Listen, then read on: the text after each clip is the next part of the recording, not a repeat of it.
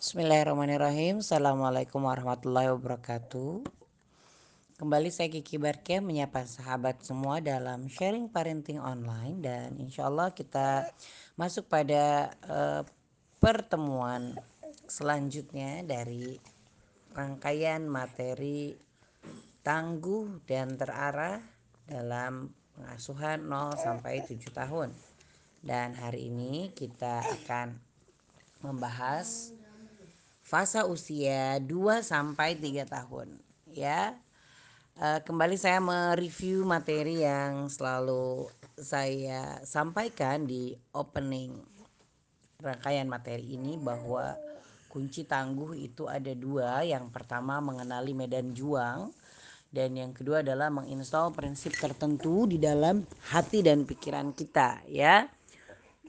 Ketika kita mengenali medan juang, kita akan tahu apa yang harus kita persiapkan dan apa yang harus kita lakukan. Juga apa yang harus kita antisipasi. Kita juga tahu perlu senjata atau lingkungan seperti apa yang harus kita siapkan untuk menghadapi kemungkinan yang terjadi.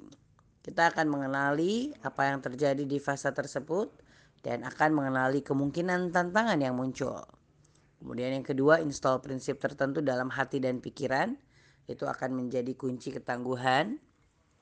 Ya, ayat-ayat atau hadis-hadis yang mungkin harus kita ingat dan kita internalisasi di dalam dada kita sehingga memotivasi kita dan menguatkan kita di saat-saat kesulitan itu datang. Dan kemudian yang selanjutnya adalah ilmu tangguh ya. Karena kalau kita tidak pakai strategi maka kita hanya akan e, berlelah-lelah ya e, tetapi tidak secara efektif dan efisien mencari solusi dari permasalahan. Baik, apa yang terjadi di fase ini?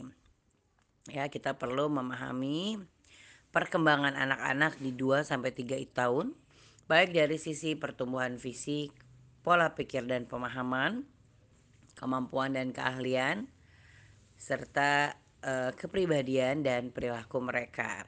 Baik yang pertama, kita akan bahas tentang pertumbuhan fisiknya ya. Ini anak-anak di usia 1 sampai 2 tahun eh sorry 2 sampai 3 tahun tingginya semakin pesat ya bahkan rata-rata ketika mencapai usia 3 tahun mereka sudah mencapai setengah tinggi orang dewasa. Kemudian mereka juga terus bertumbuh ya soal giginya. Nah, gigi susu terakhir tumbuh.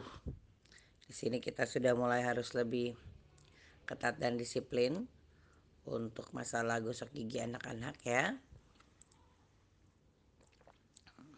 Kalau dari sisi kesehatan, bahkan ini adalah kunjungan pertama ke dokter gigi kalau di US tuh dulu terjadwal ya saya bahkan wajib.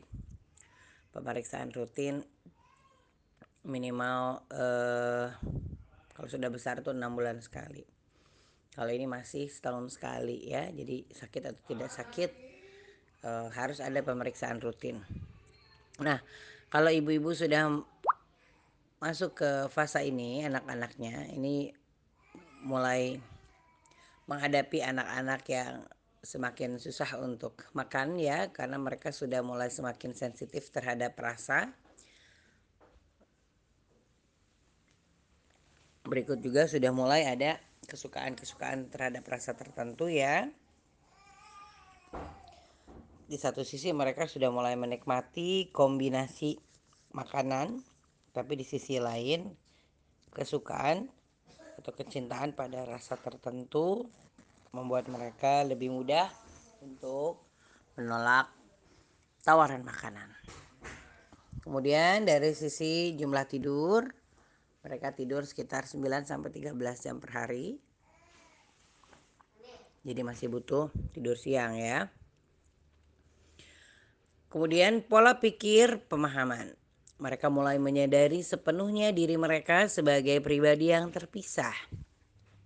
Bahkan bisa mengenali dirinya sendiri dalam foto atau cermin atau video tentu mereka juga sudah mulai semakin menyadari orang-orang yang di luar dirinya dan sudah mulai lebih banyak mengenal uh, variasi kerabat yang ada di sekitar lingkungannya. Secara pola pikir dan pemahaman mereka sudah bisa mulai mencocokkan benda dengan gambarnya. Jadi kalau di 0 sampai 2 tahun otak mereka belum benar-benar bisa mengkolerasikan antara gambar dua dimensi dengan benda real. Itulah kenapa pembelajaran melalui multimedia pada saat itu selain juga uh, disampaikan ya kalau dalam beberapa literasi itu bisa membahayakan otak kalau terlalu banyak dengan pergerakan yang terlalu cepat itu. Dan memang secara konsep 0 sampai 2 itu belum bisa mengklarasikan dua dimensi dengan gambar real tetapi di dua tahun ke atas sudah mulai bisa ya. Antara benda dengan gambar mereka sudah dapat mengkolerasikannya kemudian mereka semakin mahir untuk memahami konsep oposit ya seperti atas bawah besar kecil buka tutup dan semakin menunjukkan kesadaran atas perbedaan milikku dan miliknya. Satu sisi bisa distimulus untuk bisa memahami hmm, kepemilikan sehingga tahu ya ketika ini punya orang lain dibanding usia yang sebelumnya. Juga bisa kita stimulus untuk meminta izin tetapi semakin kuat juga rasa kepemilikan terhadap benda yang memang betul-betul miliknya sehingga tentu nanti akan berkonsekuensi pada uh, apa ya uh, otoritas pada dirinya yang semakin kuat dan lebih susah ya ketika kita minta untuk uh, pinjam atau berbagi. Karena memang pada dasarnya di usia ini mereka ya belum memiliki sifat alami untuk berbagi ya. Jadi nanti pertengkaran-pertengkaran atas kekuasaan terhadap suatu benda ini semakin tajam dibanding usia sebelumnya kemudian dari sisi kemampuan dan keahlian ya. secara motorik kasar tentu semakin berkembang ya mereka kalau melangkah juga lebih jauh dan berlari juga sudah lebih percaya diri. Beberapa anak semakin tidak bisa diam dan usia-usia seperti ini fungsi kita bukan lagi caregiver tetapi protektor ya. Artinya mereka sudah mampu melakukan beberapa hal sendiri tetapi masih harus dalam pengawasan atau perlindungan kita karena mereka juga belum sampai pada tahapan bisa memilih mana yang berbahaya, mana yang aman, maka biasanya di usia ini kita semakin waspada dan juga semakin lelah untuk menjaga mereka ya. Kemudian secara motorik kasar mereka juga mampu menendang bola, mampu berdiri di atas satu kaki untuk beberapa detik. Jadi nanti bisa kita stimulus untuk materi senam atau olahraga mereka dan dari sisi kemampuan komunikasi mereka itu sudah mulai bisa bercakap-cakap dengan lebih baik ya yang dimengerti oleh kita terutama karena mereka sudah dapat menyebut hampir semua benda atau peristiwa sehari-hari.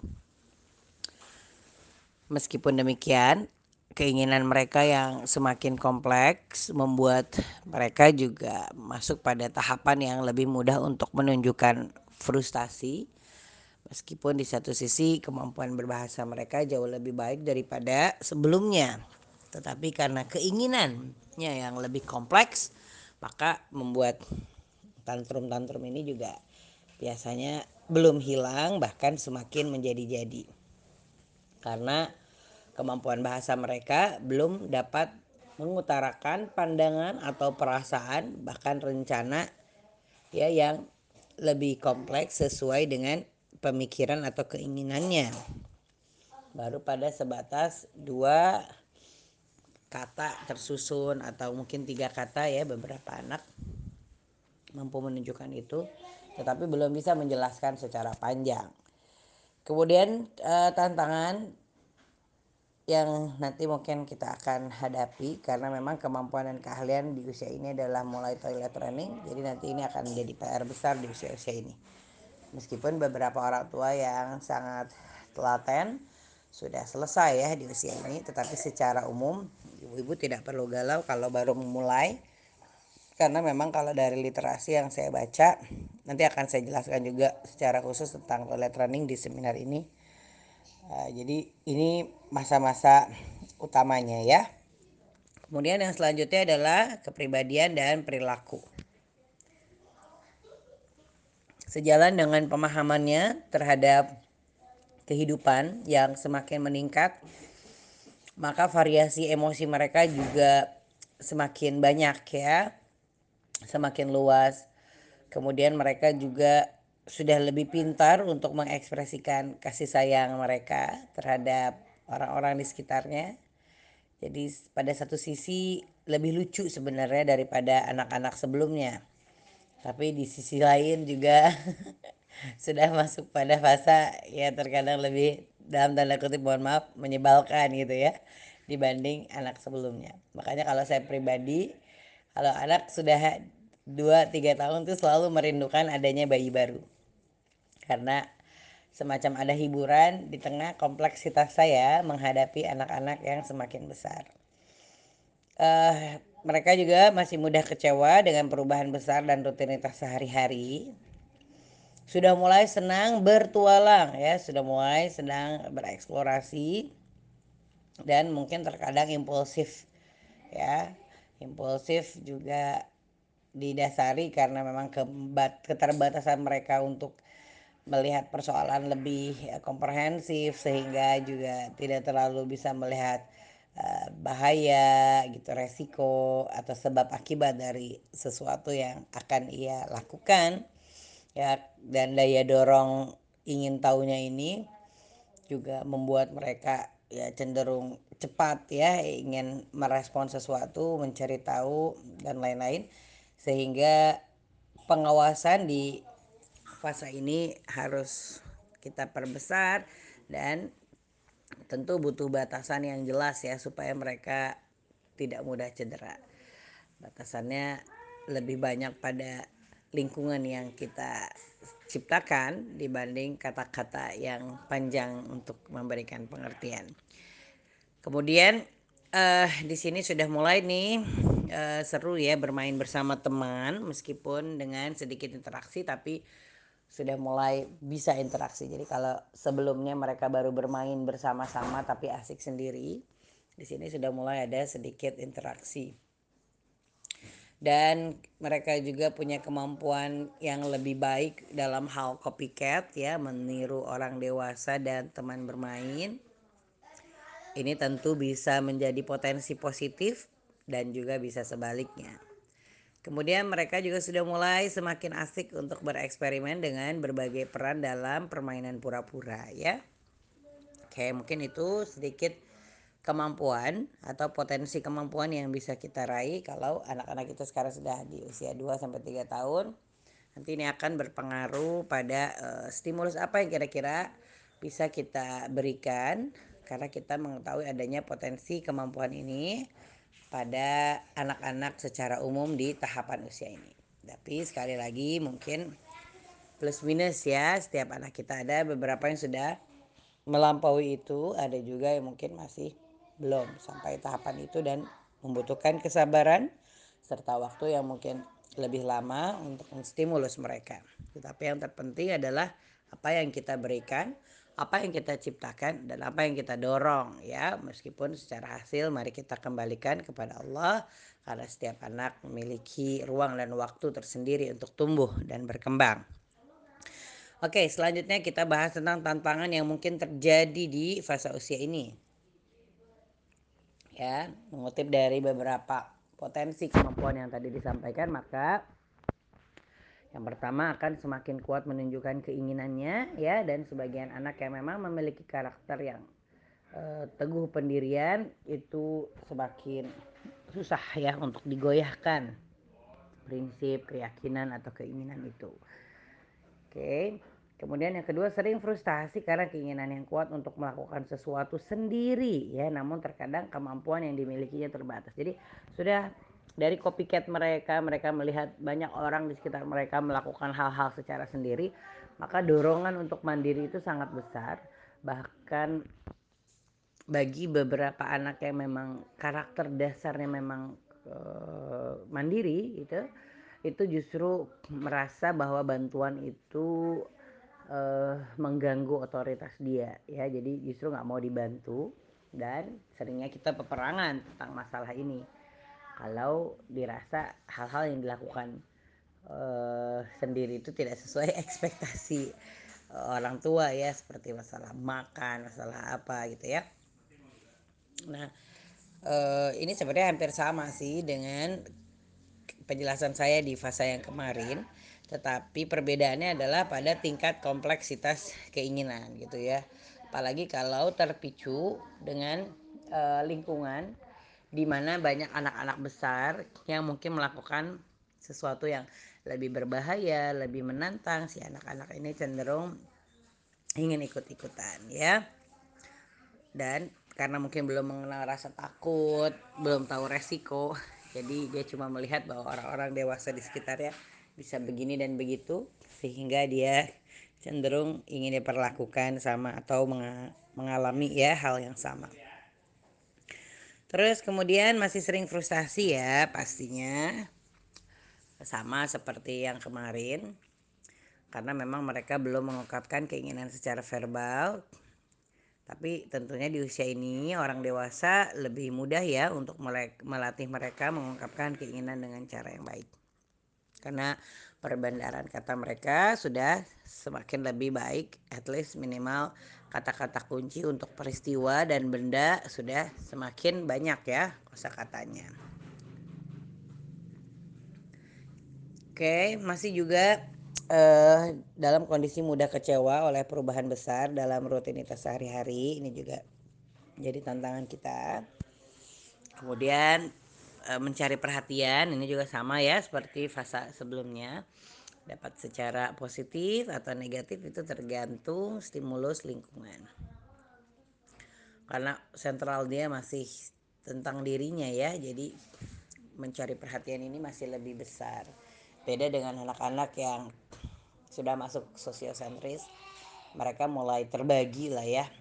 Kebutuhan mereka itu bisa dipenuhi oleh uh, teman bermainnya atau dipenuhi oleh fasilitas yang kita berikan sehingga sentralnya tidak selalu bersama kita. Kalau di masa ini masih repot-repotnya lah ya, apalagi kalau bapak ibu baru memiliki anak satu ya sehingga tidak ada lagi yang dicari selain kita. Jadi sering teh gimana teh oh sabar anaknya banyak. Saya anak satu aja pusing. Itu karena baru satu. Saya bilang silahkan ditambah lagi teh. Pusing teh. Ternyata dua tambah lagi. Karena kalau dua itu tambah eh, episode bertengkar. Yang sebelumnya nggak bertengkar jadi bertengkar. Jadi saya bilang tambah lagi. Karena nanti terpecah lagi kan? E, mereka itu mencari perhatiannya terbagi-bagi. Jadi kalau dia bisa terpenuhi oleh kebutuhan bermain bersama saudaranya itu relatif tidak terlalu menjadikan kita sebagai sentral perhatian itu.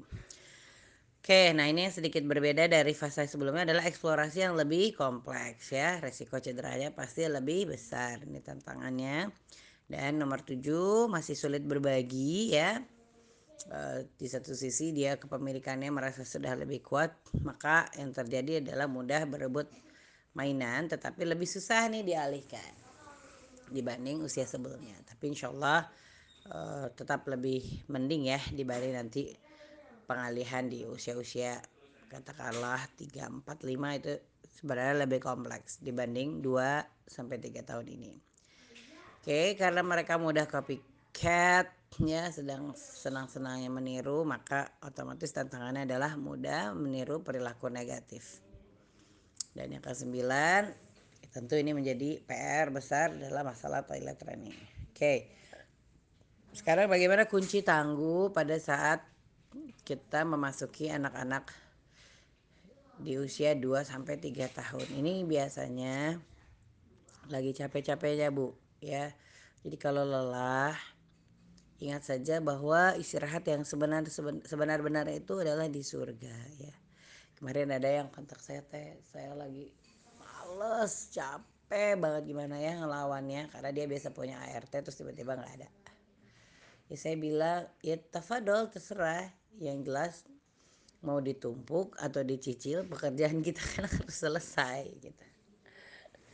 Ya jadi ada hal-hal yang memang mau atau tidak mau suka atau tidak suka ya kita harus melakukannya gitu ya jadi pada saat itulah kita mungkin menunda banyak istirahat kita.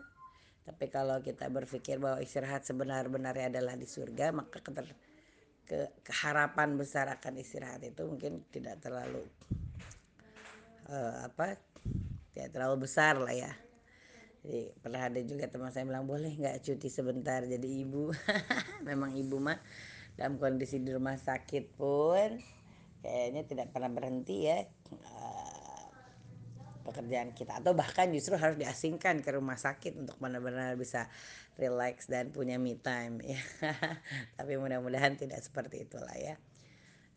Walaupun mohon maaf memang ada beberapa orang tua bekerja yang seolah-olah pergi bekerja itu sebagai tempat istirahat beliau dari segala amanah. Tetapi yang jelas uh, amanah itu tetap tetap menunggu ya. Jadi walaupun kita mengasingkan diri pada suatu hal maka uh, ada hal-hal yang tetap harus kita kerjakan di luar itu kemudian kalau saat kita lelah saat kita merasa uh, rutinitasnya begitu-begitu saja. Beberapa ibu juga semakin merasa tidak berharga ya karena sibuk mengurusi hal-hal yang dianggap kecil.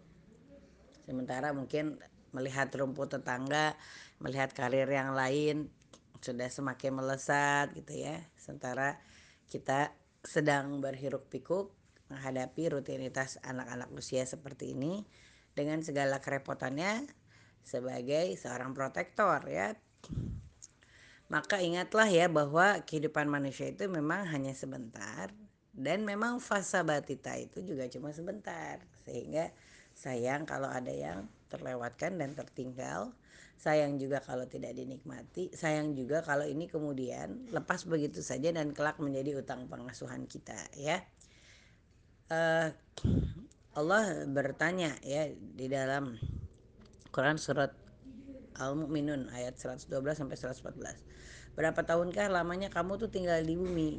Mereka menjawab kami tinggal di bumi sehari atau setengah hari saja. Maka tanyakanlah kepada orang-orang yang menghitung.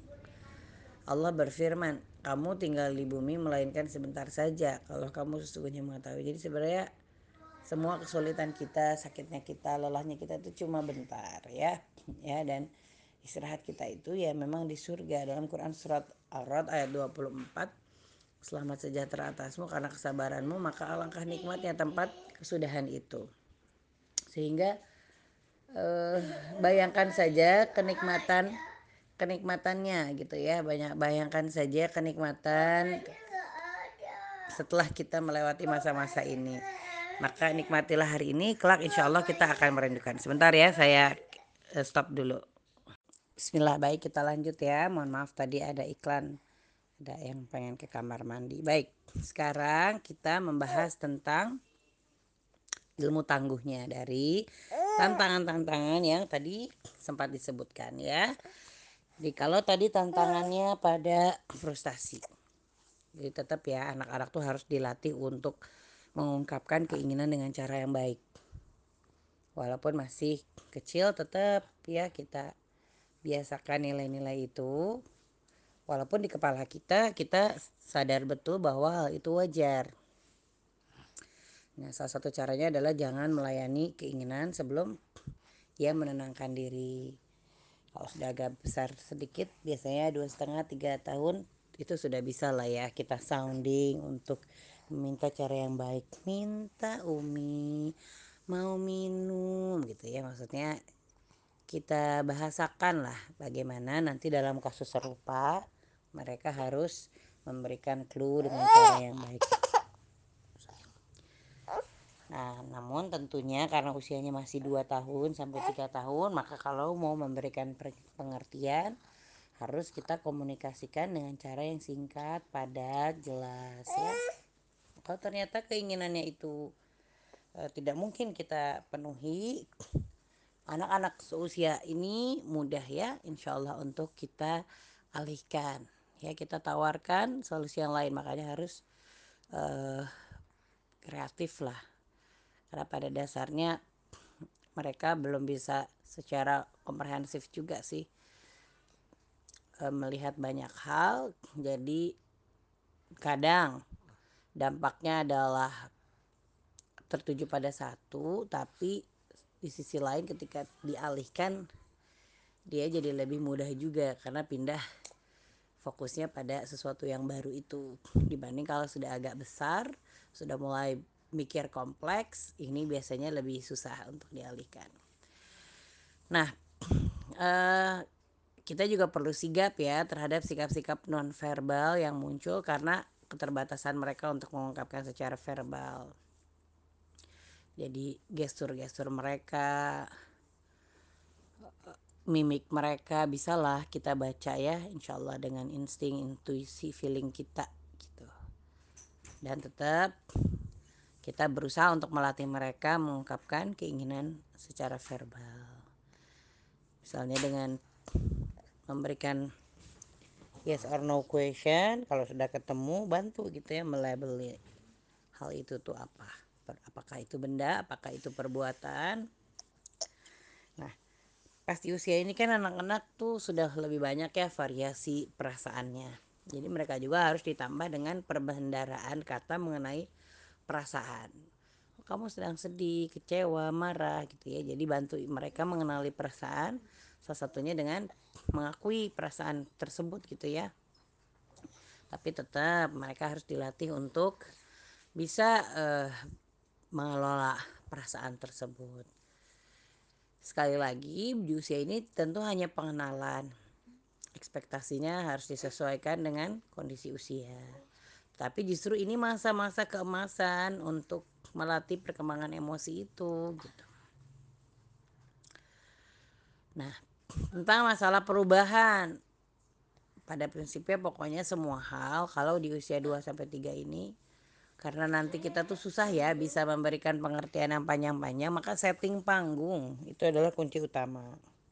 Jadi kitanya dulu yang menciptakan, kitanya dulu yang menyesuaikan lingkungannya baru kita bisa uh, mengatur ya perilaku anak-anak. Jadi pengaturan perilaku itu lebih banyak pada pengkondisian dibanding kalimat nasihat. Nah, seperti misalnya perubahan besar, udah tahu kita anak-anak tuh mudah sekali untuk uh, tantrum ya terhadap perubahan besar maka kita perlu mengkondisikan lingkungan. Seperti misalnya e, liburan saja ya. Ada saudara saya yang liburan ke Eropa berapa minggu. Itu yang menikmati cuma kakak-kakaknya. Nah, anaknya yang usia seperti ini malah homesick gitu. Maka itu juga jadi pertimbangan daripada kita pergi dengan segala perubahan yang besar itu ternyata nggak cocok buat si kecil dan bikin kita juga udah keluar uang. Dan sepanjang jalan cuma iniin rewelnya maka kita dong yang perlu memutuskan kalau mau berlibur kira-kira yang kondisinya itu tidak terlalu ekstrim berubah. Tentu ya pasti liburan ada perubahan tapi mungkin pilihan wisata atau medan-medannya itu disesuaikan dengan kita punya bayi atau mungkin mengalah sehingga ayah dan anak saja yang pergi pada satu tempat kita mungkin stay di hotel penginapan gitu. Karena memang harus menyesuaikan. Nah eh, tangkap sebanyak-banyaknya perilaku baik ya. Kalau misalnya tadi masalah tantangannya pada mencari perhatian tangkap ya sebanyak-banyaknya perilaku baik dan menyenangkan. Lalu kita apresiasi ya supaya apa? Supaya anak-anak ini nanti lebih banyak mencari perhatian yang positif dibanding perhatian yang negatif. Tapi tentu perhatian positif ini juga jangan salah arti. Karena ada banyak orang tua yang justru ya tidak ahsan lah mengajarkan sesuatu yang dianggap itu sebagai kepintaran padahal tidak sepantasnya dilakukan oleh anak-anak. Kemudian eh, usahakan pada saat anak-anak uh, sedang rewel, menangis atau berguling-guling, jangan sampai itu menjadi senjata ya bagi dia untuk menarik perhatian. Karena mungkin dia merasa tidak bisa mendistrak dengan hal yang positif sehingga dia memilih hal-hal tersebut sebagai senjata untuk mendapatkan apa yang dia inginkan. Meskipun anak mungkin belum terlalu bisa memanipulasi ya seperti uh, sengaja menangis meraung-raung karena ada ya nanti di usia semakin lebih besar itu betul-betul dia menyengajakan gitu ya frustasi itu supaya jadi senjata tapi tetaplah walaupun dari kecil kita usahakan bisa meminimalisir jumlah tantrum, intensitas tantrum dan lama tantrum itu gitu. Dan pada saat mereka sedang baik-baik saja, justru di situ kita eh, banyak-banyak memberikan perhatian. Kemudian yang selanjutnya tantangan karena mereka sudah mulai lasak, sudah mulai eksplorasinya tinggi, sekali lagi setting panggung itu kunci utamanya. Jadi kita harus memanajemen keamanan lingkungan daripada banyak melarang. Lebih baik membuat suasana yang memang sudah pasti atau terminimalisir lah ya bahayanya. Contohnya misalnya anak nggak bisa nih kita larang untuk pergi naik tangga. Ya udah kita sediain pagar gitu ya menuju tangga. Anak nggak bisa kita kasih pengertian panjang. Mereka eh, gerak-gerakin pintu karena lagi melihat aksi reaksi gitu. Ya udah kasih pengganjal gitu supaya nggak terjepit. Dia lagi pengen banget tuh explore kulkas. Ya kasihlah child lock tapi umur 2 tahun biasanya sih nggak terlalu kuat ya untuk membuka. Tapi begitu sudah terbuka itu biasanya pengen ngoprek gitu. Maka kita aturlah supaya anak-anak tuh teralihkan perhatiannya. Jangan dibawa jangan diajak ke kulkas gitu. Lagi senang-senang banget kan ngebongkar-bongkar lemari ngeberantakin baju. Nah makanya laci-laci yang isinya barang-barang berbahaya ya usahakan jauh dari jangkauan. Termasuk juga listrik ya lagi eksplor banget tuh. Nah, terus keluar juga lagi senang-senangnya karena udah jagoan lari udah pengen banget outdoor.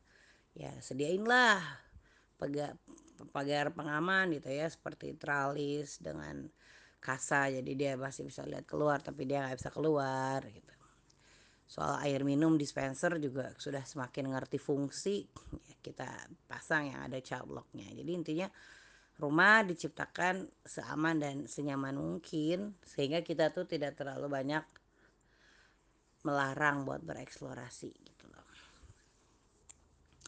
Kemudian kalau masalahnya pada rebutan mainan merusak mainan kakak ya kita perbanyak ya koleksi mainan yang bisa dimainkan secara bersama bukan bersifat individu sehingga mengurangi resiko berebutan. Ini sama ya seperti tips yang sebelumnya. Dan memang tetap ya anak yang berusia lebih besar ini harus lebih banyak diberikan pengertian. Kalau adik ini masih belum paham arti berbagi walaupun berhati-hati ya jangan sampai mencederai ego si kakaknya kecuali eh, terutama kalau si kakaknya masih di fase egosentris. Ya jadi kalau misalnya kakaknya menolak untuk mengalah ya hargai gitu. Kita bisa alihin si kecil tapi kalau ternyata dia bisa pengalah ya kita apresiasi ya. Supaya kita nggak memaksa anak yang besar untuk ngalah kita bisa minta tolong gitu. atau kita menawarkan ya supaya dia bisa mempermudah urusan. Jadi mau nggak mempermudah Umi gitu kan? Mau nggak kita coba tanya mau nggak ngalah untuk adik nanti kakaknya mungkin bisa ditawarkan sesuatu yang sama-sama mengasyikkan. Tapi sekali lagi yang perlu diingat bahwa mengalihkan anak yang lebih kecil jauh lebih mudah dan aman dibanding memaksa atau mengkondisikan anak yang besar untuk mengalah dan akhirnya beresiko mencederai ego si kakaknya ini ya tapi yang utama adalah setting panggungnya untuk menghindari kemungkinan perselisihan karena berebut mainan gitu. Sembunyiin mainan yang berpotensi jadi rebutan di saat tertentu. Kalau dia tidur baru kita mainin gitu ya. Atau pisahin ruangan bermainnya kalau memang permainan yang dipilih kakak itu betul-betul rawan untuk diganggu oleh adik yang berpotensi untuk menimbulkan keributan yang lebih besar ya. Kemudian kalau tadi masalahnya adalah mereka lagi gampang banget mengadopsi perilaku buruk ya maka sekali lagi menjaga kesucian fitrah dengan cara menjaga pandangan atau pendengaran dari contoh buruk itu jauh lebih utama daripada kita setelah itu menasehati gitu ya. Makanya kita bangun lingkungan yang penuh keteladanan. Soalnya di usia ini mereka cenderung copycat tapi belum banyak uh, punya pemahaman tentang baik dan buruk gitu ya. Uh, jadi menghindari lingkungan yang buruk itu jauh lebih efektif ya daripada berkomunikasi tentang baik dan buruk itu sendiri. Nah tapi kalau anak kemudian meniru tentang perilaku negatif ya nggak apa-apa. Itu jadiin pelajaran untuk memberikan pengertian. Tapi tentunya disesuaikan dengan usianya. Jadi berikan pengertian yang singkat, padat, jelas, berulang-ulang untuk menginternalisasi pesan. Tapi pada dasarnya mereka nggak bisa dengan pengertian atau yang panjang-panjang ya. Oke, sekarang tentang toilet training. Jadi memang ini kunci suksesnya itu dua ya, waktunya tepat dan emang harus sabar.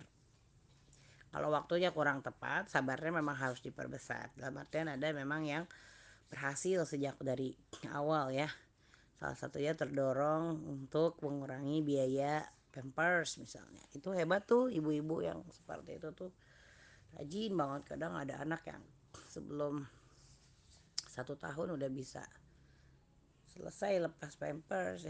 Tapi model-model kita yang ya mungkin secara budget pampers masih ada terus pak pikpuk dengan urusan lain itu biasanya lebih terlambat ya menunggu kesiapan anak. Karena melatihnya jadi relatif lebih mudah sih ketika anak-anaknya itu sudah semakin mengerti ya. Tapi yang perlu diketahui adalah setiap anak itu punya waktu yang berbeda-beda ya untuk toilet training. Jadi kita perlu mengenali gitu tanda-tanda kesiapannya. Apakah si anak ini tampak tertarik ya ke kursi potty train atau toilet yang khusus anak. Karena ada anak-anak yang mungkin masih menolak. Kayak kalau saya begitu anak itu bisa duduk saya memang langsung mendudukan itu di uh, toilet bantuan ya yang untuk anak. Jadi dia terbiasa lah. Eh, cebok atau ya beristinja di atas toilet tersebut ketika dia sudah duduk jadi saya 8 bulan 9 bulan itu bisa kita pegangin. Ya, bahkan dari 7 bulan pun bisa gitu. Dengan lebih hati-hati tentunya. Supaya mereka ya semakin cepat lah ya nggak berinsinja di atas kasur lagi. Tapi betul-betul menggunakan air. Kemudian sudah mulai tertarik menggunakan celana dalam belum karena memang ada anak-anak yang menunjukkan kerisihan tertentu ya dengan menggunakan pampers itu jadi makin dia merasa pengen lepas mulai risih itu berarti udah tanda-tandanya dia semakin siap gitu ya Nah, terutama kalau anaknya itu memang sudah bisa komunikasi gitu ya. Dia bisa memahami lah komunikasi kita saat kita memberikan anak. Nah, kalau belum ya tetap aja kita usahain di komunikasi pipisnya di kamar mandi. Pupnya di kamar mandi gitu ya.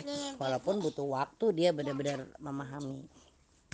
Tapi diajarin lah untuk bilang bahwa dia pengen apa gitu. namanya apa rasanya seperti apa ya kita coba labelisasi dari awal walaupun mungkin pas baru dua tahun ke atas gitu ya kita benar-benar bisa melihat mereka sejalan dengan uh, peristiwanya mereka mampu melabelisasi itu. Dan beberapa oh, iya. anak kalau udah tambah besar kan memberikan tanda nih ekspresi wajah. Ya kalau misalnya pengen BAB atau BAK nah itu kita perlu kenali. Bahkan kalau ya pada anak-anak tertentu sebelum fase 2 tahun bahkan satu tahun tuh sudah bisa. Mohon maaf abang ini sedang rekaman sayang. Sebentar. Boleh bermainnya di luar? Boleh bermainnya di luar sana ya. Ini sesuai perjanjian kita. Gak ada tonton Gio. Ya ada juga. Mohon maaf sebentar ya. Oke maaf ya. Tadi ada sedikit iklan. Lanjut dan ulang sedikit lah ya. Jadi apakah anak memberikan tanda pada kita dengan ekspresi wajah, kata-kata atau gerakan tubuh ya saat mereka pengen BAB atau BAK. Jadi biasanya kan sudah tambah pinter tuh karena mereka sendiri merasa tidak nyaman sehingga eh, ekspresi itu terlihat lah ya. Jadi makanya anak tuh jangan terlalu cespleng banget kita biarin mereka asik. Jadi sesekali lah kita kita tengok kita tanya kita lihat. Oke nanti ada fase di mana mereka itu secara frekuensi ya itu kan lebih berkurang antara satu BAK dengan BAK yang lain. Nah, biasanya diapersnya itu lebih banyak kering dalam durasi waktu yang lebih lama, misalnya dua jam gitu ya. Nah, itu juga menunjukkan tanda bahwa mereka sudah lebih siap untuk toilet training karena pada saat dilepas pun ada masa-masa panjang lah mereka tidak mudah bocor gitu. Beberapa orang tua bahkan bisa me me menghafalkan ya pola itu atau bisa juga merutinkan untuk bertanya dalam durasi waktu tertentu ada yang rajin banget per 30 menit di bawah atau per satu jam di bawah. Kalau saya memang nggak terlalu setelaten itu uh, saya lebih banyak melatih anak untuk berekspresi sih daripada saya ya pribadi yang bolak-balik nanya karena sering banyak uh, urusan yang lain ya yang membuat kita jadi lupa. Kemudian eh, apakah dia mulai mengeluh gitu ya ketika popoknya itu kotor atau basah? Nah kalau mereka sudah mulai merasa risih ini lebih bagus. Beberapa anak ada yang tipe yang gak risih gitu. Saya juga punya anak seperti itu. Bisa kok asik main banget. Ya ampun ternyata udah ini. Sementara uh, dia asik kita juga asik gitu ya dengan pekerjaan kita. Tapi ada anak-anak yang mudah sekali merasa risih mudah mengeluh kalau misalnya ada yang kotor. Nah biasanya toilet trainingnya juga jadi lebih cepat. Karena ada kepemimpinan lah ya dari diri anak untuk menyelesaikan hal itu bahkan ketika lepas pampers ada yang jadi lebih cepat karena mereka mulai sadar terhadap ketidaknyamanan itu dibanding mereka e, menggunakan pampers. Jadi kalau kita udah ready ya kita siap bersabar dalam durasi waktu tertentu lah belum terlalu berhasil banyak accidentnya mungkin sekitar dua mingguan biasanya. Itu anak tuh nanti baru sadari ternyata nggak nyaman. Karena selama ini mungkin popoknya terlalu nyaman gitu loh. Sehingga pada saat dia pipis pun dia nggak rasa basah dia merasa biasa saja gitu. Nah apalagi kalau si anak ini sudah bisa e, membuka atau memasang celana sendiri. Nah ini udah tanda yang lebih dekat ya. Bagus kalau misalnya ternyata udah bisa merasakan terus buka celana sendiri lari sendiri baru laporan sudah ada di dalam Nah biasanya kalau kita memfasilitasi dengan kursi potty train yang terjangkau, mereka bisa duduk bangkit sendiri itu biasa lebih enak. Nah kalau misalnya tanda-tanda ini sudah cukup banyak, maka itu saatnya kita memberanikan diri untuk mulai toilet training. Intinya sih kalau kita mau lebih cepat, memang sabar prakteknya harus lebih banyak. Harus lebih telaten. Tapi nanti ada masanya juga mereka sudah lebih siap untuk melit diri sendiri. Jadi mungkin kita bisa pertengahan lah jangan juga kemudian terlalu asik sampai umur berapa masih terus. Kadang nggak berani-berani. Ada beberapa orang tua yang justru berhasil potty trainingnya tuh ketika dia bersama-sama nenek kakek karena nenek kakek terbiasa ya dulu di masa lalu tuh tidak ada pampers gitu. Jadi buat mereka bukan big problem ketika ada kecelakaan-kecelakaan yang harus mereka bereskan. Tetapi mungkin ibu-ibu zaman sekarang yang lebih terlena dengan fasilitas melihat itu sebagai sesuatu yang eh uh, gitulah sehingga nggak mau mulai-mulai. Dan memang perlu bersabar ya saat lantai sering basah kotor ya memang pasti memberikan pekerjaan ekstra salah satunya dengan cara yakinlah bahwa masa-masa ini tuh bakal segera berlalu dan biasanya kalau kita terdorong dengan kondisi ekonomi sisa beli pampers itu biasanya lebih lebih mau menyegerakan dan mempertebal kesabaran itu. Jadi perlu punya target juga ketika adiknya sudah lahir mau pindah ganti pampers tuh kalau bisa jangan beli double ukuran gitu yang kakaknya udah selesai. Paling seperti itu. Oh iya saya juga pernah sih tinggal di US yang karpetnya itu eh sorry lantainya itu karpet. Jadi waduh gimana nih toilet trainingnya gitu. Akhirnya saya pindah ke rumah yang lantainya kayu jadi relatif lebih tidak merasa bersalah lah. Karena apa maintenance maintenance setelah pasca accidentnya akan lebih mudah kalau di atas kayu atau keramik ya. Oke sekarang masuk pada kurikulum terarah yang pertama memberikan pendidikan agama dan moral jadi usia ini kan sudah mulai lebih tertarik ya daripada usia sebelumnya pada kegiatan beragama dengan cara menirukannya. Jadi usia sebelumnya saya sampaikan juga seperti itu tapi uh, usia ini sudah lebih bisa terlibat ya bahkan kalau diundang tuh sudah bisa merespon. Ya mereka juga kan senang banget ya meniru perilaku orang tua sama saudaranya maka tetap materinya sama seperti sebelumnya kita membiasakan mereka berada dalam suasana kegiatan beribadah dan memberikan kesan positif ya bagi anak tentang kegiatan beribadah. Tentu kalau ada hal-hal yang tidak menyenangkan di usia ini lebih mudah mengingatnya dibanding peristiwa yang terjadi ketika mereka masih lebih kecil. Oke, e, tetap walaupun mereka belum paham, kita tetap latih mereka bersikap baik ya terhadap orang yang sedang beribadah misalnya dengan saling bekerja sama lah. Kalau misalnya ada yang sedang sholat untuk eh, tidak kemudian dalam tanda kutip menyusahkan yang sedang uh, sholat ya sini nak sini yuk sama bunda dulu misalnya. Atau kalaupun misalnya dalam kondisi uh, berjamaah maka kita carilah uh, cara terbaik supaya si anak ini enggak mengganggu imam. Jadi lebih baik kita handle sebagai makmum daripada merepotkan imam. Terus kemudian eh, melatih anak. Oh ya mulai mengajarkan tauhid rububiyah ya. Nah komunikasinya kan tambah bagus pengenalan lingkungan tambah bagus labelisasi nama-nama juga tambah banyak ya kosakatanya. Maka makin seringlah kita mensounding mereka terhadap keberadaan Allah sebagai sang pencipta ya. Uh, untuk mempraktekkan kata-kata ajaib seperti terima kasih maaf tolong permisi ini lebih bisa mulai praktek ya daripada sebelumnya yang mungkin cuma sekedar sounding. Ya ini mulai beberapa anak sudah mulai bisa uh, mengucapkan ya tentunya dengan penegasan berulang-ulang mengingatkan sehingga bisa menjadi habits.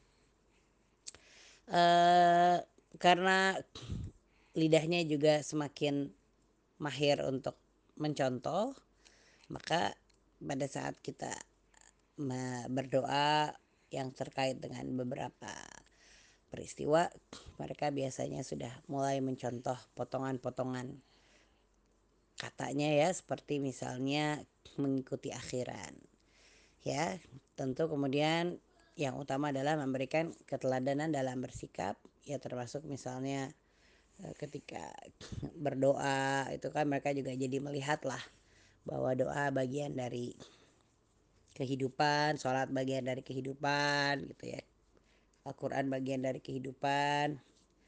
Karena mereka juga punya kemampuan untuk mendengar irama maka juga kita memperdengarkan surat-surat secara berulang lebih pada ya sounding awal saja untuk masuk ke dalam memori mereka yang nanti suatu saat bisa di recall pada saat kita sudah mulai secara intensif mengajarkan hafalan Al-Quran.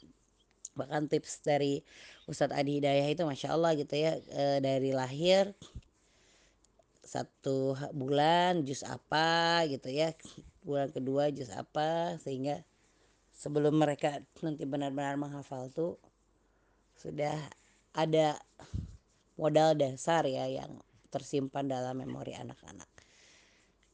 Nah, secara sosial mereka kan sudah lebih aware ya kalau usia ini sudah mulai semakin sadar lah keberadaan lingkungannya.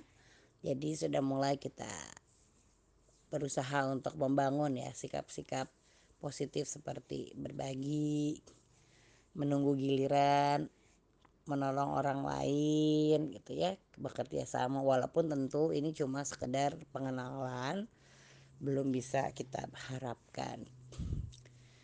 Uh, kita bisa mempraktekkan kalimat-kalimat yang singkat juga yang berkaitan dengan ibadah seperti bismillah hamdalah salam nanti biasanya di usia ini semakin eh, bagus ya makhrajnya dalam meniru.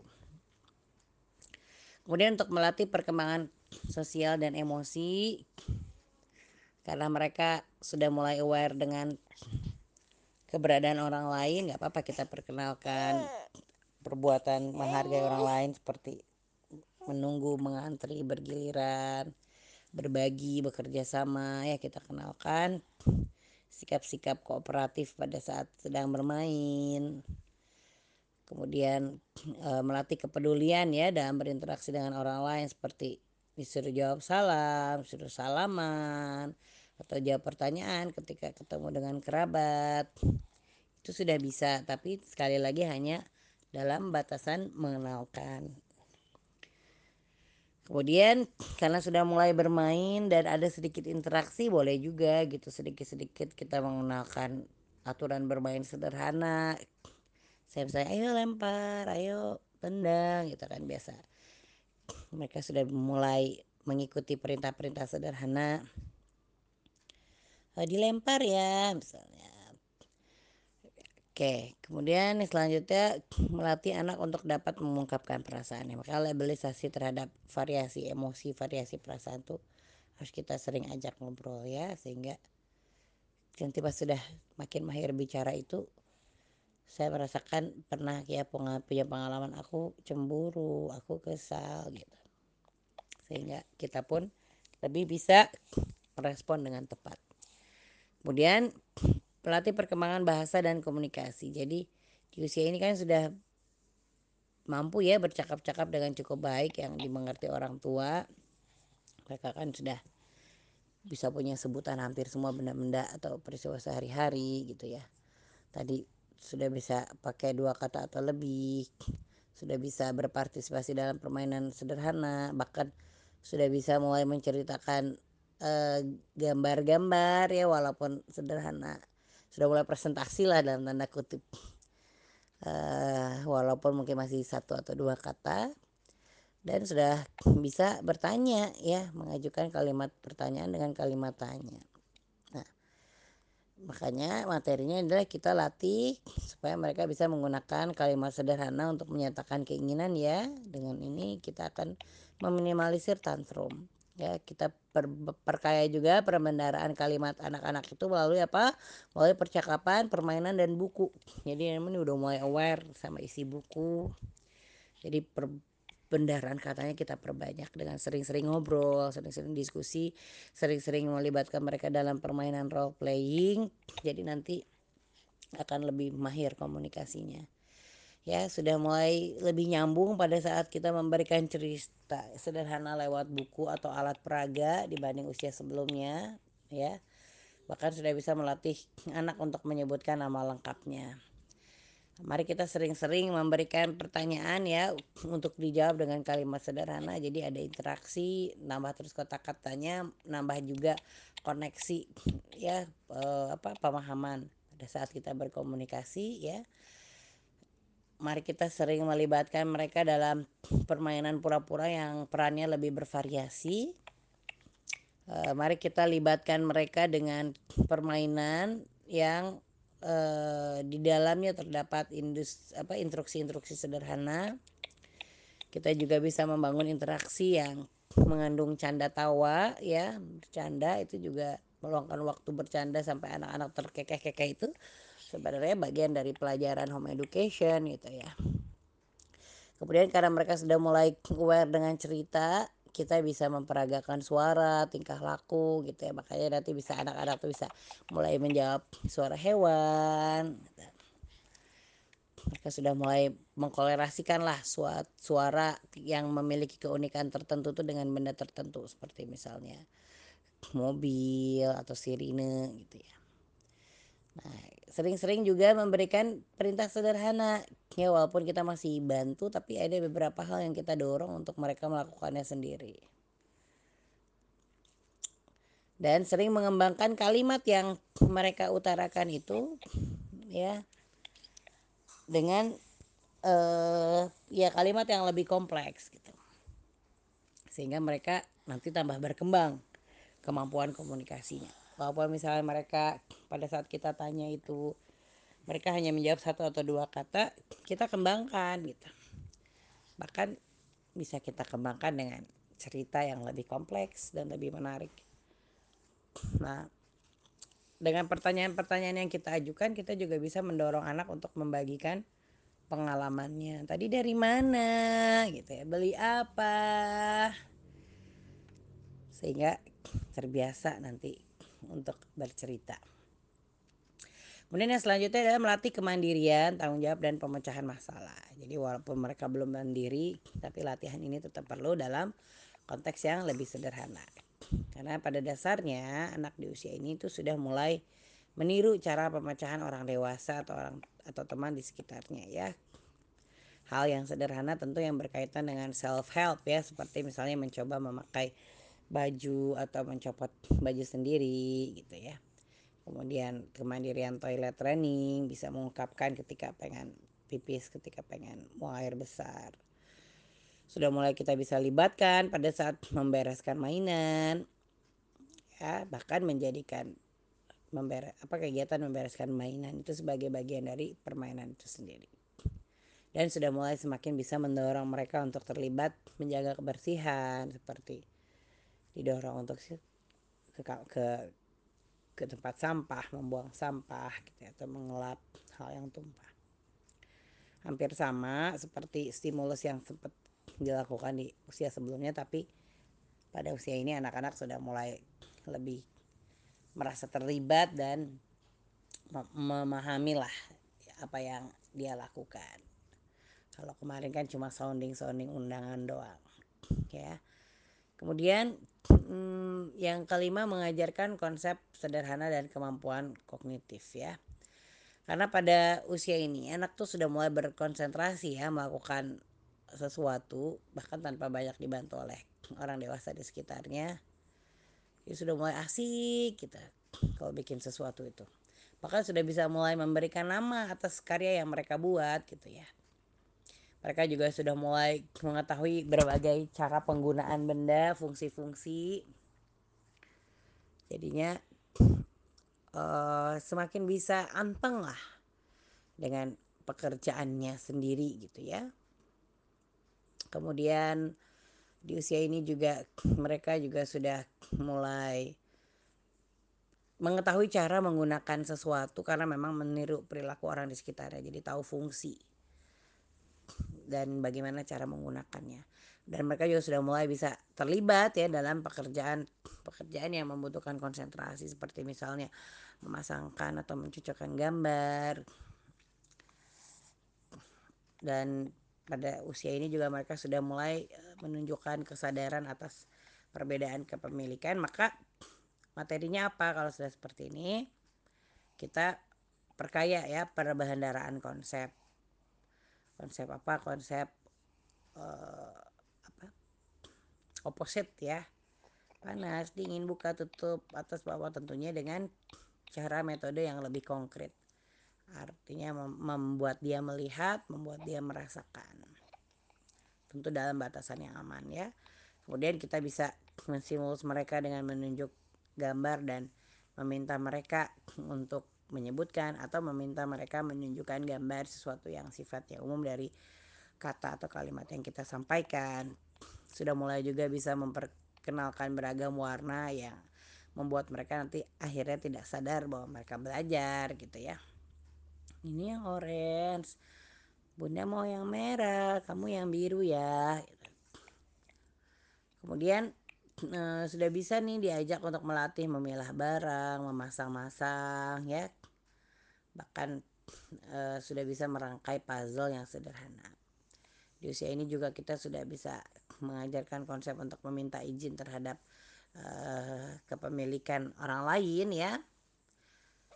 Usia ini juga mereka sudah bisa kita ajak untuk uh, menyebutkan bagian-bagian tubuh yang umum. Jadi kalau materi sebelumnya di usia ini cuma ya kita ngomongin aja sambil bercanda sambil bernyanyi atau sambil berinteraksi gitu kita sebut-sebutin namanya ini ciptaan Allah ini hidung nah pas udah usia ini mereka sudah mulai bisa gitu.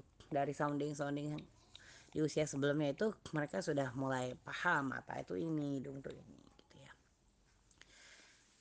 Nah eh, di usia ini juga lagi senang-senangnya mulai ngoprek mengeksplorasi sebab akibat. Jadi memang kadang lebih lebih capeknya karena mereka sendiri sudah ada dorongan untuk melakukan sesuatu yang lebih kompleks tanpa memahami uh, resikonya gitu ya. Jadi mungkin lebih banyak tumpah lebih banyak sesuatu yang jadi rusak misalnya. Kemudian meminta anak menyebutkan bagian-bagian gambar ini sudah mulai bisa ya karena jawabannya hanya satu atau dua kata. Tentu belum bisa pada pertanyaan why, tapi sudah bisa pada pertanyaan siapa dan apa. Kemudian kita sudah bisa mulai mengenalkan bentuk, mengenalkan pola, bahkan memperkenalkan bilangan dengan menyebutkan urutan, bukan simboliknya ya, tapi sounding terhadap cara menghitung itu sudah bisa kita lakukan walaupun kita tidak berekspektasi mereka mampu melakukannya sendiri. Sudah bisa mengenalkan konsep ini panjang, pendek, tinggi, gitu ya. Bahkan mengenalkan jenis kelamin. Kita juga sudah bisa tak bisa mulai mengenalkan mereka. Umurnya berapa? Dua dua tiga. Itu kadang sudah mulai aware ya. Dan sudah bisa mulai mengamati dan membedakan benda-benda di sekitarnya. Jadi pada prinsipnya sih ajarin aja tanpa menuntut mereka untuk paham. Tapi sebenarnya secara perlahan mereka menginternalisasikan pesan-pesan kita itu di dalam otak mereka kemudian secara koordinasi gerak tubuh tentu kita menstimulus mereka ya news mereka kan sudah bisa mulai terlibat asik tuh kalau main rancang bangun balok gitu ya. jadi sudah mulai bisa menumpuk benda yang lebih tinggi sudah bisa menuruni anak tangga satu demi satu ya dengan kaki yang sama secara perlahan hampir sama dengan sebelumnya. Jadi kita latih mereka nanti lama kelamaan akan ada masa di mana mereka betul-betul bergantian ya secara kaki untuk naik atau turun tangga.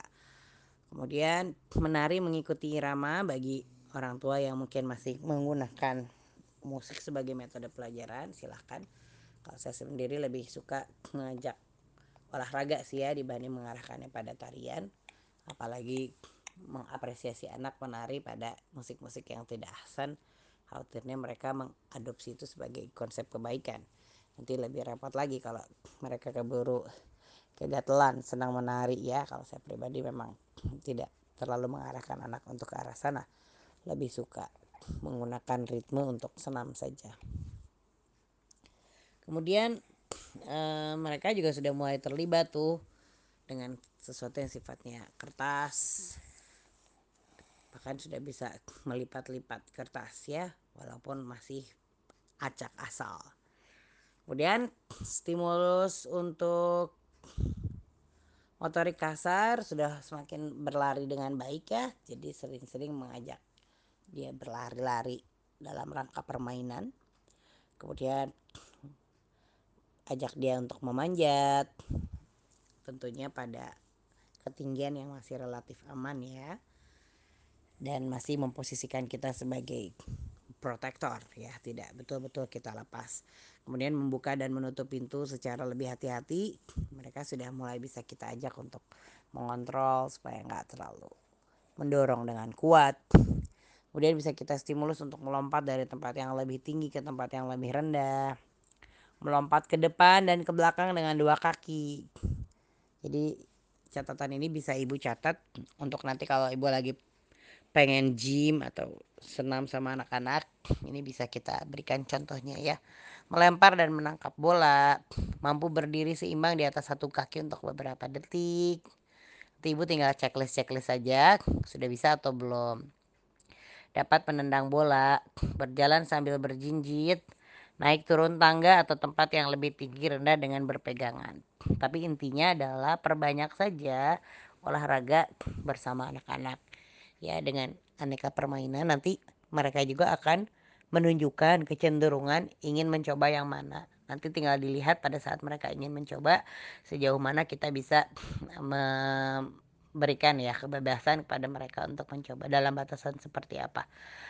Yang jelas kalau mereka terlibat dalam satu kegiatan bersama anak-anak dewasa terkadang terstimulus itu untuk mencoba semuanya. Nanti tinggal kita memposisikan mereka hanya sekedar merasakan pengalaman saja gitu ya. Oke naik itu kakaknya mungkin sampai tinggi adiknya mah cuma beberapa langkah yang penting dia merasa bahwa wih aku ikutan.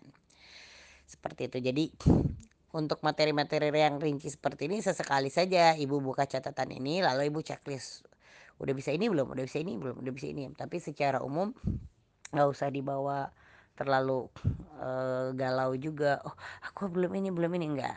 Pokoknya mah perbanyak saja kegiatan-kegiatan yang sifatnya melatih motorik kasar. Dan hari ini insya Allah playground dan uh, fasilitas-fasilitas wisata sudah makin banyak ya.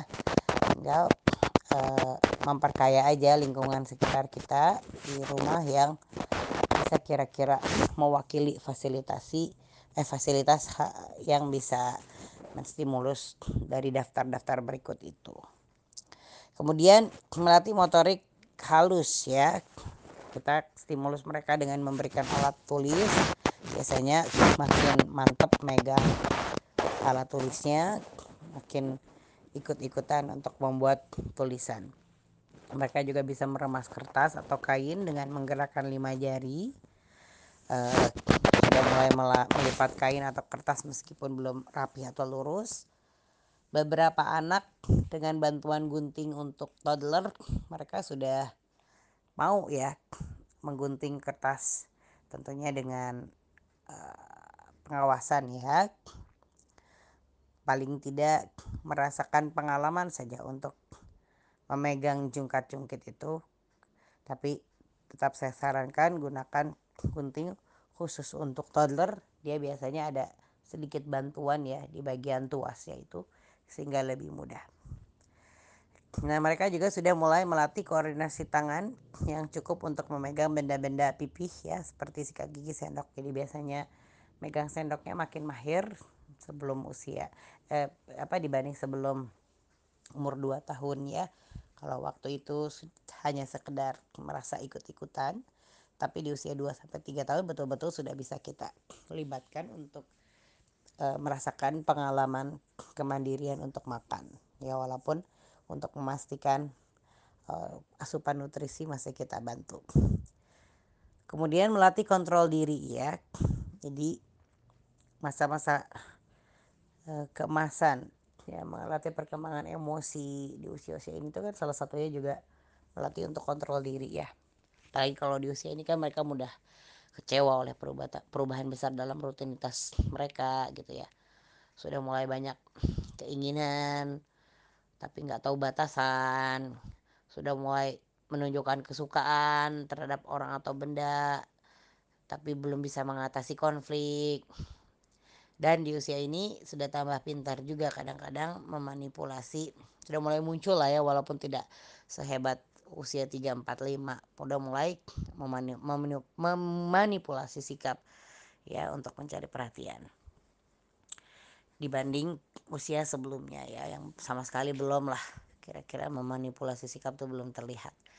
Oke, jadi materinya untuk melatih kontrol diri tentu ya sama dengan materi sebelumnya dalam hal komunikasi kita harus melatih anak untuk mengungkapkan keinginan dengan cara yang baik ya jadi mengontrol lah jangan sampai terlalu ekstrim pada saat pengen sesuatu itu.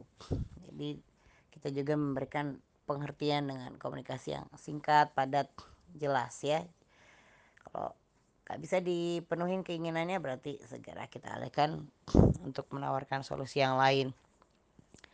Uh, kemudian uh, apa namanya kita juga perlu sigap ya terhadap sikap-sikap nonverbal supaya sebelum anak menjadi tambah frustasi kita bisa mengantisipasi. Kemudian dengan membantu tadi mengenali perasaan seperti materi sebelumnya, ini juga otomatis melatih anak untuk mengontrol dirinya ya. Jadi kalau marah tidak terlalu marah, kecewa tidak terlalu menunjukkan agresivitas yang tinggi. Kemudian eh, tetap ya setting panggung itu juga utama mengkondisikan lingkungan supaya tidak terlalu banyak perubahan ini juga akan membantu untuk dirinya mengontrol diri ya. Kemudian eh, menangkap sebanyak-banyaknya perilaku baik dan menyenangkan itu juga bagian dari materi untuk mengontrol diri supaya dia tidak menggunakan perbuatan negatif atau cara-cara negatif untuk mencari perhatian terutama yang bersifat uncontrol ya. Karena ada anak-anak yang memang sudah mulai berkeinginan tuh untuk merusak barang di sekitar atau menyakiti dirinya eh, dalam rangka mencari perhatian ya. Kemudian karena lagi senang-senangnya untuk bereksplorasi, maka kontrol diri harus kita latih dengan cara memberi dan menyampaikan batasan ya atau misalnya mengalihkan mereka pada kegiatan yang lebih wajar kalau misalnya mereka belum bisa memahami batasan perilaku yang kita berikan. Kemudian materi selanjutnya melatih pola hidup dan keamanan diri ya. Tentu yang utama adalah setting panggung ya. Kita ciptakan lingkungan rumah yang aman dan nyaman supaya tidak terlalu banyak melarang anak untuk bereksplorasi. Tadi detail-detailnya sudah saya sampaikan pada saat menyampaikan ilmu tangguh ya. Nah, kemudian eh, kesehatan dan keamanan diri ya salah satunya melatih mereka untuk bisa mencuci, membilas, mengelap gitu ya. Ketika mereka mencuci tangan sudah semakin bisa dilepas tanpa bantuan ya kita hanya ngontrol di sekitarnya tapi dia merasakan pengalaman secara mandiri. Dia juga harus bisa semakin mahir ya berkomunikasi kalau merasakan sakit ya. Jadi jangan sampai anak tuh nggak bilang lalu kemudian keburu infeksi. Kemudian eh, dalam hal makan gitu ya bisa kita ajari untuk menjaga supaya tidak jatuh atau kita bersihkan alat makan kalau misalnya jatuh. Nah, kemudian untuk batasan-batasan pada saat dia bereksplorasi sudah mulai semakin bisa mengandalkan verbal kita dibanding yang sebelumnya ya untuk memberikan uh, pengertian yang singkat, padat, jelas tentang batasan perilaku dan keamanan diri. Jadi kalau yang masa sebelumnya tetap kita lakukan tapi mungkin hanya sebatas ya sayup-sayup didengar tapi di usia ini mereka sudah mulai lebih memahami ya konsep-konsep sederhana tentang keamanan diri atau batasan sesuatu. E, kemudian masih soal kesehatan, maka melatih mereka untuk rutin menggosok gigi. Jadi e, sebenarnya agak berulang ya materi ini dengan materi sebelumnya. Bedanya adalah pada uh, perkembangan anak dalam memahami stimulus itu gitu ya. Uh, kemudian melatih kemampuan seni. Jadi ini kan tambah gam, tambah pinter tuh biasanya ngoret-ngoretnya Jadi kita fasilitasi ya supaya mereka bisa gambar dan kita apresiasi hasilnya. Uh, sudah mulai semakin aware juga terhadap konsep-konsep yang disampaikan di dalam lagu gitu ya. Jadi kalau mau menggunakan lagu untuk pendidikan silahkan kita mengajarkan konsep kebaikan dan kebiasaan itu melalui lagu. Bahkan meminta mereka bernyanyi bersama. Satu punya lagu tentang akulah kuman-kuman gitu ya. Eh, buat ngajakin mereka gosok gigi. Sayup-sayup mungkin terdengar nanti lama-lama bisa memahami. Kemudian e, melatih mereka untuk mengikuti gerakan tubuh sederhana ya. Jadi misalnya kayak senam-senam sederhana kita kasih perintah atau kita kasih contoh mereka sudah bisa lebih baik dibanding sebelumnya kita latih mereka bertepuk tangan menghentikan kaki mengikuti irama mereka sudah mulai semakin asik ber, bermain pura-pura menirukan perilaku binatang bahkan menyuarakannya atau bermain pura-pura untuk menirukan aktivitas tertentu. Kemudian saat mereka menumpuk balok atau membuat karya seni kita bisa mulai mengapresiasi tumpukan-tumpukan yang mereka buat. Lalu kemudian mengkolerasikannya dengan cerita gitu ya supaya melatih perkembangan bahasanya. Di usia ini juga kita sudah bisa mengajak mereka dengan bahan yang aman untuk membuat karya dengan finger paint ya atau membuat karya sederhana dengan Play-Doh. Tentunya masih tetap harus pengawasan, tapi sudah lebih mending dibanding fase sebelumnya yang uh, lebih menikmati fase oral dan lebih tidak tahu konsekuensinya. Kalau di usia-usia seperti ini sedikit banyak sudah lebih bisa lah diberikan pengertian walaupun tetap tidak bisa benar-benar kita lepaskan. Nah kurang lebih seperti itu ya. Jadi secara umum eh, sebenarnya beberapa tahun ini ada kesamaan hanya sedikit selisih-selisih irisannya dari perkembangan-perkembangan setiap usia. Tetapi kalau ibu-ibu misalnya susah untuk mencerna, ibu nanti tinggal dibuka sesekali untuk lihat checklistnya atau ibu bisa stimulus saja tapi ekspektasinya itu yang disesuaikan dengan usianya. Jadi stimulusnya bisa jadi dari 1, 2, 3, 4 beberapa hal itu beririsan sama. Tetapi e, pemahaman anak dan respon anak terhadap stimulus itu yang nanti kita akan bisa merasakan perkembangannya. Baik demikian yang mungkin bisa saya sampaikan. Sekali lagi materi ini saya angkat dari e, beberapa buku parenting yang e, menggambarkan tentang milestone perkembangan pada umumnya di setiap tahapan. Lalu kemudian saya mengkolerasikannya dengan kemungkinan tantangan yang bisa muncul dan materi-materi apa saja yang bisa kita lakukan untuk menstimulus hal itu. Demikian yang bisa saya sampaikan. Yang benar datangnya dari Allah yang salah datangnya dari saya sendiri wabillahi taufik wa hidayah. Wassalamualaikum warahmatullahi wabarakatuh. Sampai jumpa di sesi curhat selanjutnya insyaallah